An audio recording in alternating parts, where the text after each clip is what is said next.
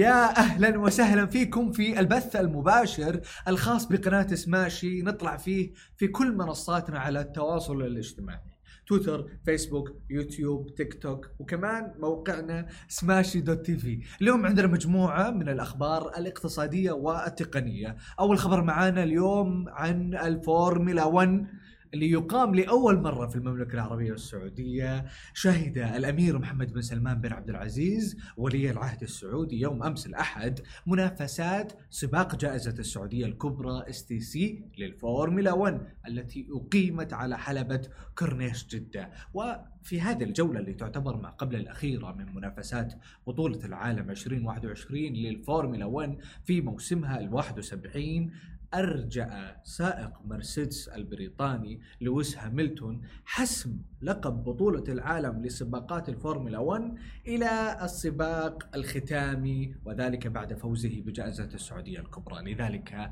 الحسم راح يكون في الجولة الأخيرة واللي بتكون في أبو ظبي.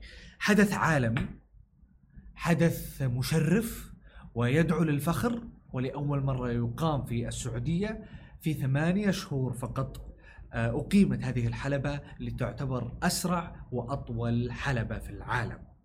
ننتقل للخبر الثاني. أعلنت شركة الزيت العربية السعودية أرامكو عن توقيع خمسة اتفاقيات مع شركات فرنسية رائدة. تشمل اتفاقية لاستكشاف فرص الأعمال في المركبات التي تعمل بالهيدروجين مع شركة جوسن الرائدة في حلول النقل النظيفة والذكية.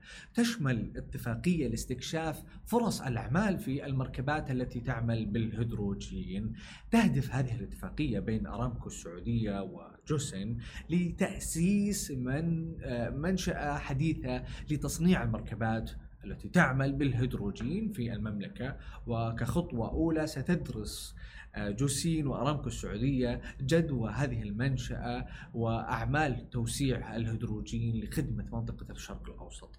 شيء جميل جدا اليوم أنه يكون في صناعة في المملكة وهذا يعني له أثر كبير جدا فيما بالكم لما تكون صناعة المستقبل.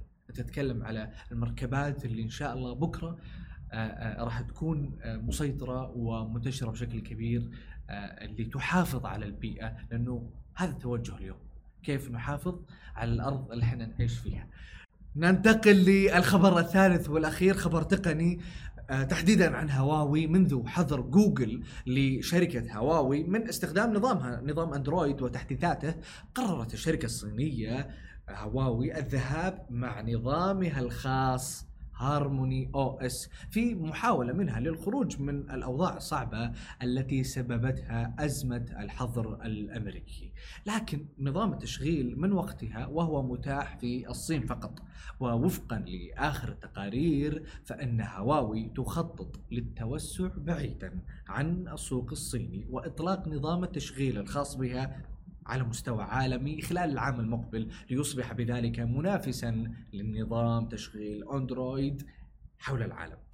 آه عموما اليوم هذه هذه التقنية اليوم منافسة والمنافسة تولد صناعات جديدة، اليوم آه ما راح تعطيني نظامك تحضرني أنا بسوي نظام خاص فيني. فبالتالي يعني هواوي اليوم صارت تفكر آه، في في موضوع أكبر من أنها فقط تصنع الهاتف بل تصنع أيضا نظام يشمل الكثير من الأجهزة التي هي تصنعها. عموما هذه كانت أخبارنا لليوم في هذا اللايف آه، اللي نطلع فيه من الأحد إلى الخميس. كل يوم نأخذ ونعطي معاكم ونقرأ تعليقاتكم بلا شك. شكرا على المتابعة. آه، نشوفكم على خير إن شاء الله في نفس الموعد. بكرة.